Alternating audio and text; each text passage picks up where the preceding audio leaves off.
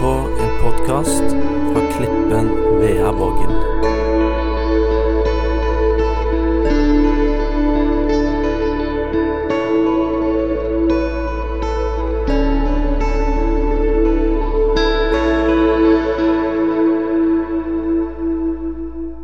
Hvor finner vi igjen diakoni i Bibelen? Det skal vi se litt på etterpå.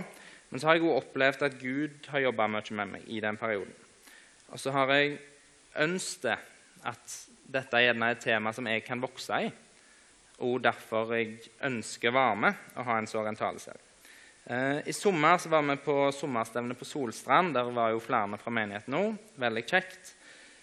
Og Der jobba Gud mye med meg på flere temaer, bl.a. dette. Og etter det ene kveldsmøtet der, som Anatoli og Victoria hadde, som mange av dere kjenner, så kjente jeg meg veldig sånn liten.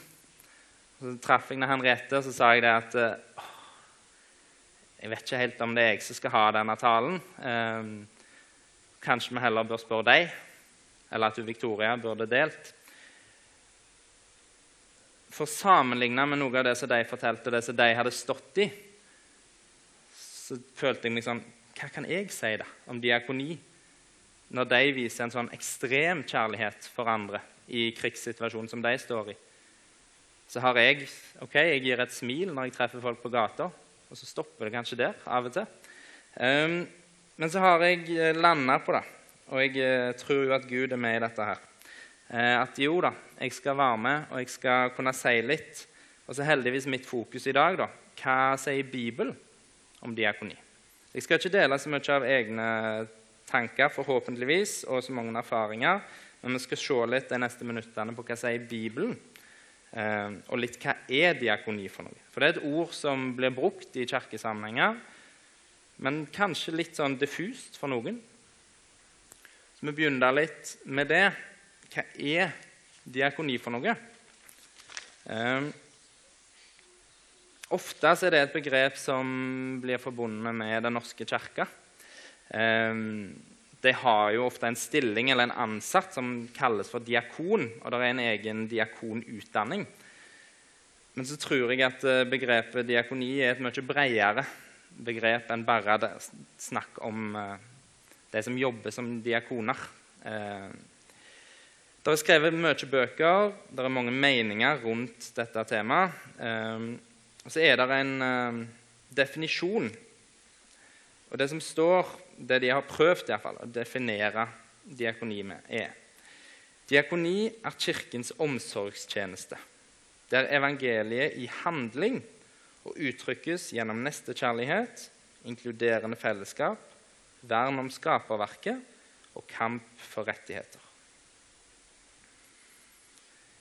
Diakoni det er evangeliet i handling. Da har jeg lyst til å ta første av mange bibelvers i dag. Eh, Jakob kapittel 2, altså vers 14-18. Eh, det er noen som kommer opp på skjermen, og så kommer jeg til å nevne en god del bibelversord. Så for de som ønsker å slå det opp, så skal jeg prøve å gi dere litt tid til det. Eh, men Jakob kapittel 2, altså vers 14-18. Hva hjelper det søsken om noen sier at han har tro når han ikke har gjerninger? Kan vel troen frelse? Sett at en bror eller søster ikke har klær og mangler mat for dagen, og en av dere sier til dem, Gå i fred, hold dere varme, spis dere mette. Hva hjelper det dersom dere ikke gir dem det kroppen trenger? Slik er det også med troen i seg selv. Uten gjerninger er den død. Kanskje vil noen si, Du har tro, jeg har gjerninger. Vis meg din tro uten gjerninger, så vil jeg ut fra gjerningene vise deg min tro. Da skriver Jakob um, og Hvis vi da ser tilbake på at diakoni er evangeliet i handling, og knytter det til dette bibelverset, så gir det iallfall for meg litt mening å vise oss det at det er noe som vi konkret skal gjøre, og gjerne også konkret leve i, mer enn bare en handling en gang. Når vi snakker om diakoni, så skiller vi mellom tre aktører. Eh, den enkelte kristne, menigheten eller fellesskapet og organisasjoner. For oss og i denne settingen er det mest relevant å se litt på punkt 1 og punkt 2. Hva vi som personlige kristne kan gjøre, og hva menigheten gjør. Så skal jeg prøve meg på bitte litt gresk ord. Eh, ordet diakoni er henta fra diakonos, eller diakonia. Eh, og I den norske bibelen så blir det oversatt med 'tjener', som regel. Og Så er det mulig å si masse mer om hva diakoni er. Det er mange, mye forskning, mange lærde som har mye tanker. Men jeg er mest interessert i hva Bibelen sier, og tror at det påvirker livene våre i større grad enn hva en sannsynligvis veldig kloke forsker har tenkt om det samme. Begynn da litt å se i Gamle testamentet. Selve ordet diakoni eh, finner vi ikke i Gamle testamentet. Men vi finner flere eksempler på skriftsteder som peker mot Guds ønske om at vi skal ha omsorg for hverandre eh, og hjelpe de som er i nød. I eh, 5. Mosebok allerede, kapittel 15 og vers 11, så kan vi lese Fattige vil det alltid være i landet. Derfor byr jeg deg. Lukk opp hånden for din bror, for de nødlidende og fattige i ditt land. Eh, Israelsfolket får et påbud om å være rause, om å hjelpe mennesker i nød og hjelpe de fattige. Videre i ordspråkene, kapittel 19, det har jeg der oppe, 19 eh, og vers 17, så kan vi lese Den som hjelper en stakkar, låner til Herren, og Herren gir ham igjen for hans velgjerning. Det er jo et litt sånt annet blikk på det. At eh, det å hjelpe noen som trenger det, er å låne til Herren, eller hjelpe Herren. Og at Gud skal gi igjen for våre velgjerninger. Og så tror jeg Hvis det er kun dette du leser, og har det som ditt sånn mantra på diakoni, så tror jeg du har bomma litt. Jeg tror det er en del av helheten. Men hvis hensikten vår med å hjelpe andre er at vi skal få noe igjen sjøl, så har vi ikke helt det hjertet som Jesus hadde, som vi skal se litt på seinere. Um, I Det gamle testamentet som helhet er det stor fokus på Guds omsorg. Folket de svikter han igjen og igjen, men han vender aldri ryggen til dem. Um, og Det går så langt til slutt at Gud bestemmer seg for å sende Jesus til jorda fordi at den omsorgen er så enorme. For han elsker alle mennesker. Han er skaperen, han, og vi er hans skaperverk. Og når vi som er hans skaperverk, lider, når hans folk lider, så lider han med oss. Så ønsker han at vi skal ha det godt. Så velger han å bruke oss mennesker for å hjelpe hverandre. Det er jo egentlig en sånn kjempetillitserklæring. For Gud er allmektig. Han trenger i utgangspunktet ikke å bruke oss, men han har valgt å gjøre det. Og den omsorgen som han har for oss, den ønsker han at vi òg skal ha for hverandre. En litt lengre tekst fra Jesaja 58. Um, og I Det gamle testamentet så ser vi et folk som er opptatt av faste uh, og offer på en helt annen måte enn det vi er i dag. Um, de skulle faste i mange ulike situasjoner. Men i Jesaja 58 så sier Gud noe gjennom Jesaja om hva faste han foretrekker. Og sånn som vi leser her, så får han glede eh, av et folk som viser omsorg og tar vare på de rundt seg. Mer enn den påtatte fasten og sorgen som eh, jødene av og til gjorde. Jeg skal bare lese de versene. Nei, dette er fasten jeg har valgt å løse urettferdige lenker, sprenge båndene i åket, sette undertrykte fri og bryte hvert åk i stykker. Og dele ditt brød med sultne og la hjelpeløse og hjemløse komme i hus. Du skal se til den nakne og kle ham. Du skal ikke snu ryggen til dine egne. Da skal lyset bryte fram for deg som morgenrøden. Brått skal helbredelsen komme. Din rettferd skal gå foran deg, og Herrens herlighet følge etter deg. Da skal du kalle og Herren skal svare. Du skal rope, og han skal si, Her er jeg. Om du tar bort hvert åk hos deg, ikke peker med fingre og snakker ondskapsfullt, Om du gir av ditt eget til den sultne, og selv metter den som lider nød, da skal ditt lys gå opp i mørket, og din natt skal bli som høylysdag. Så ordet i Gamle testamentet, ikke bare i Jakob, sånn som vi leste innledningsvis, så knytter Gud trua til handlinger. Det er noe vi skal gjøre. Um, ja. Så skal vi litt over se i Nye testamentet. Eh, I Gamle testamentet så er det en del å ta tak i, men i Nye testamentet så flommer det over av det som jeg iallfall knytter til diakoni.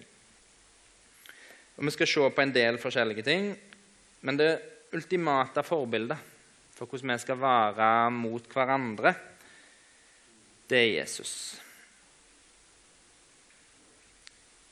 Jesus han hadde omsorg for de han møtte.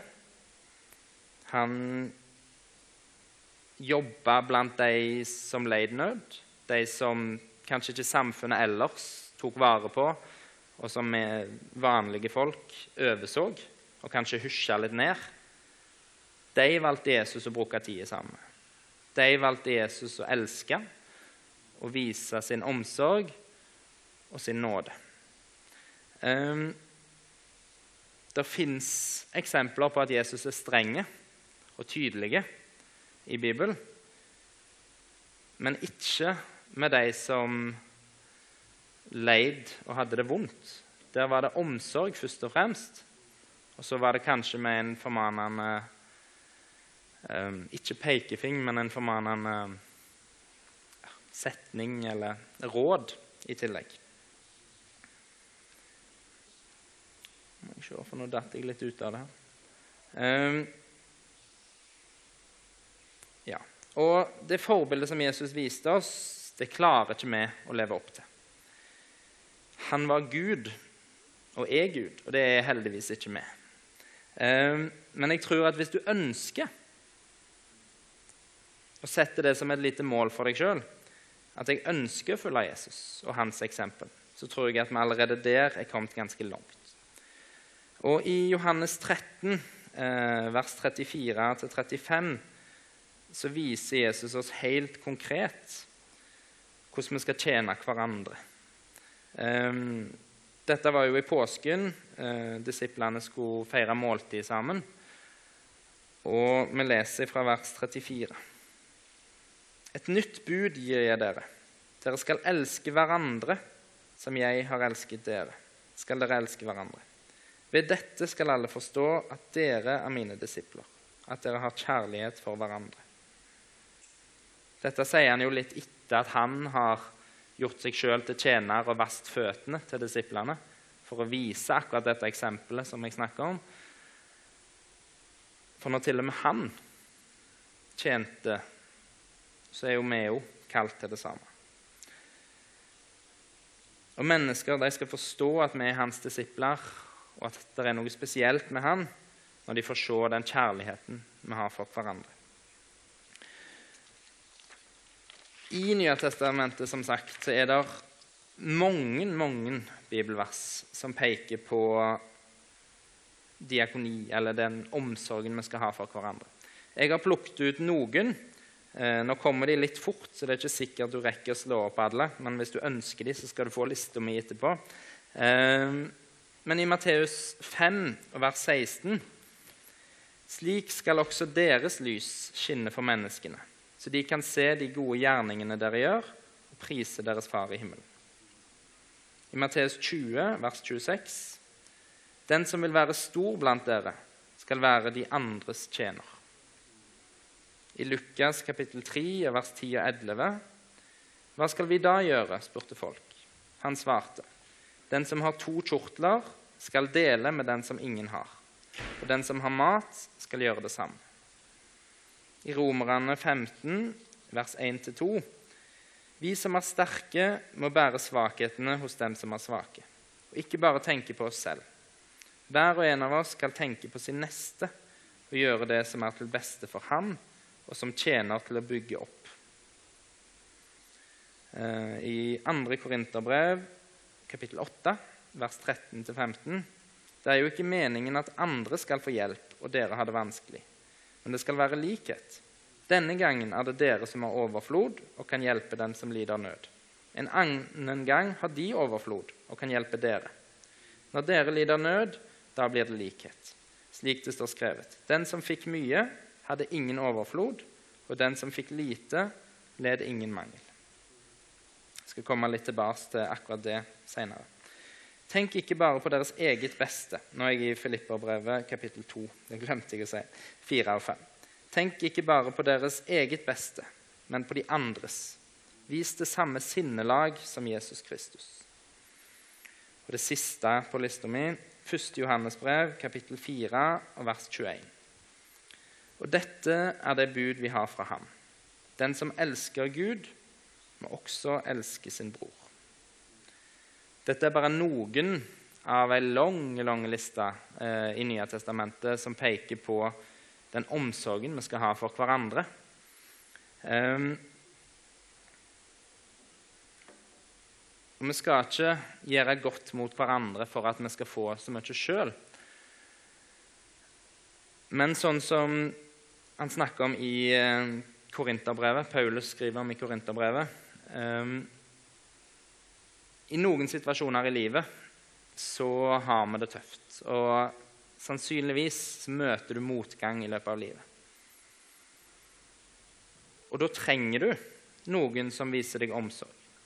Noen som ber for deg. Noen som støtter økonomisk, hvis det er det. Noen som hjelper med konkrete ting. Og så er det jo sånn som vi ser at andre ganger så har vi gjerne overflod.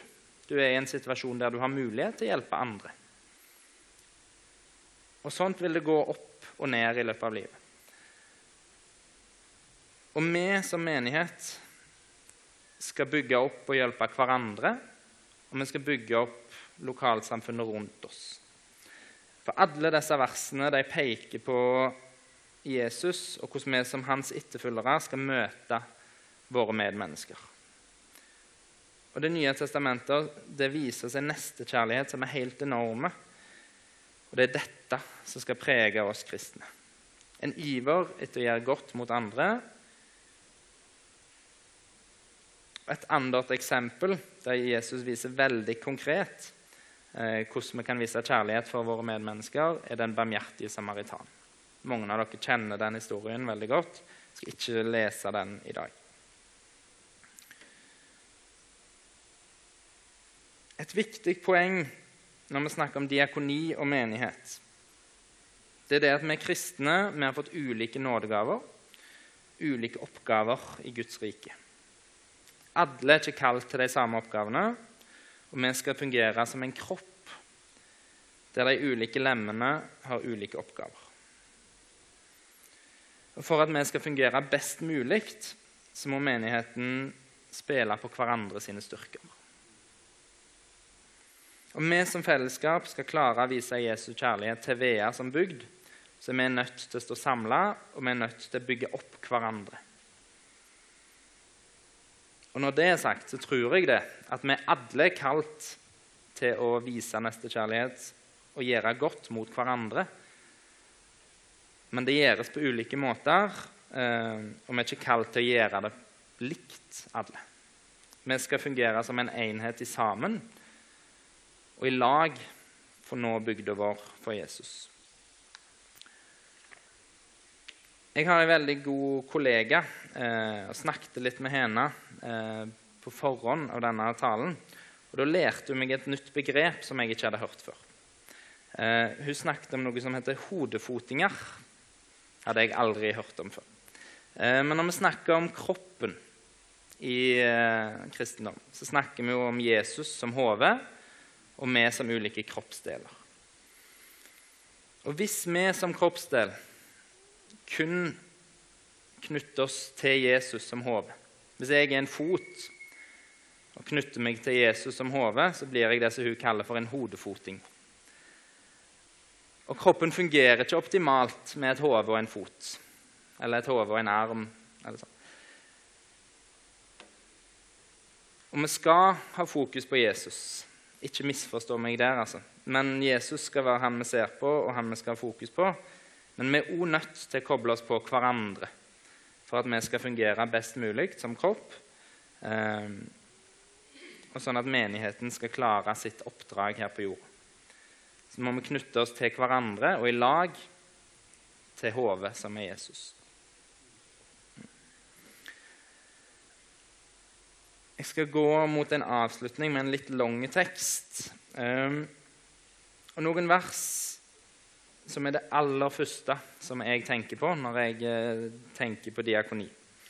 Um, og Jeg klarer ikke å ikke la være å lese dem i en sånn tale, selv om jeg har lest veldig mange andre bibelvers.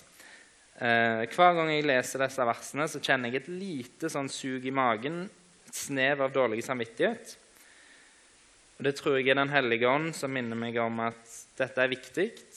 Um, og her har du noe å vokse i, Simen. For når jeg har snakket om alt dette og jobba med disse tingene, så ransaker du deg jo sjøl litt. Ransake høres litt voldsomt ut, men du tenker gjennom deg sjøl. Um, og dette er absolutt noe jeg kan vokse i. Uh, vi er ulike som personer, har ulike nådegaver. Jeg er ikke en sånn utprega omsorgsperson, men jeg er likevel kalt til å vise Jesu kjærlighet. Eh, både med ord, men også ikke minst med handlinger. Til slutt har jeg bare lyst til å lese denne teksten. Jeg skal ikke legge til så mye til den, for jeg opplever at den, poenget står godt sjøl. Eh, men dette er noe av det som jeg kjenner her har du kanskje noe å jobbe med, Simen. Så kanskje noen av dere andre opplever det på samme måte. Så vi avslutter med å lese fra Matteus 25, også vers 31-46. Men når Menneskesønnen kommer i sin herlighet, og alle englene med ham, da skal han sitte på sin trone i herlighet, og alle folkeslag skal samles foran ham. Han skal skille dem fra hverandre, som en gjeter skiller sauene fra geitene stille sauene på sin høyre side og geitene på sin venstre. Så skal kongen si til dem på sin høyre side.: Kom hit, dere som er velsignet av min far, og ta i arv det rike som er gjort i stand for dere fra verdens grunnvoll ble lagt. For jeg var sulten, og dere ga meg mat. Jeg var tørst, og dere ga meg drikke. Jeg var fremmed, og dere tok imot meg. Jeg var naken, og dere kledde meg. Jeg var syk, og dere så til meg. Jeg var i fengsel, og dere besøkte meg. Da skal de rettferdige svare, Herre, når så vi deg sulten og ga deg mat, eller tørst og ga deg drikke? Når så vi deg fremmed og tok imot deg, eller naken og kledde deg? Når så vi deg syk eller i fengsel og kom til deg? Og kongen skal svare dem, sannelig, jeg sier dere, det dere gjorde mot en av disse mine minste søsken, har dere gjort mot meg. Så skal han si til dem på venstre side.: Gå bort fra meg, dere som er forbannet, til den evige ild som er gjort i stand for djevelen og englene hans. For jeg var sulten, og dere ga meg ikke mat. Jeg var tørst, og dere ga meg ikke drikke. Jeg var fremmed, og dere tok ikke imot meg. Jeg var naken, og dere kledde meg ikke. Jeg var syk og i fengsel, og dere så ikke til meg. Da skal de svare, Herre, når så vi deg sulten eller tørst, eller fremmed eller naken, eller syk eller i fengsel, uten å komme deg til hjelp? Da skal han svare dem, sannelig, jeg sier dere, det dere ikke gjorde mot en av disse, disse minste, har dere heller ikke gjort mot meg. Og disse skal gå bort til den evige straff, men de rettferdige til evig liv. Himmelske Far, Takk for din omsorg.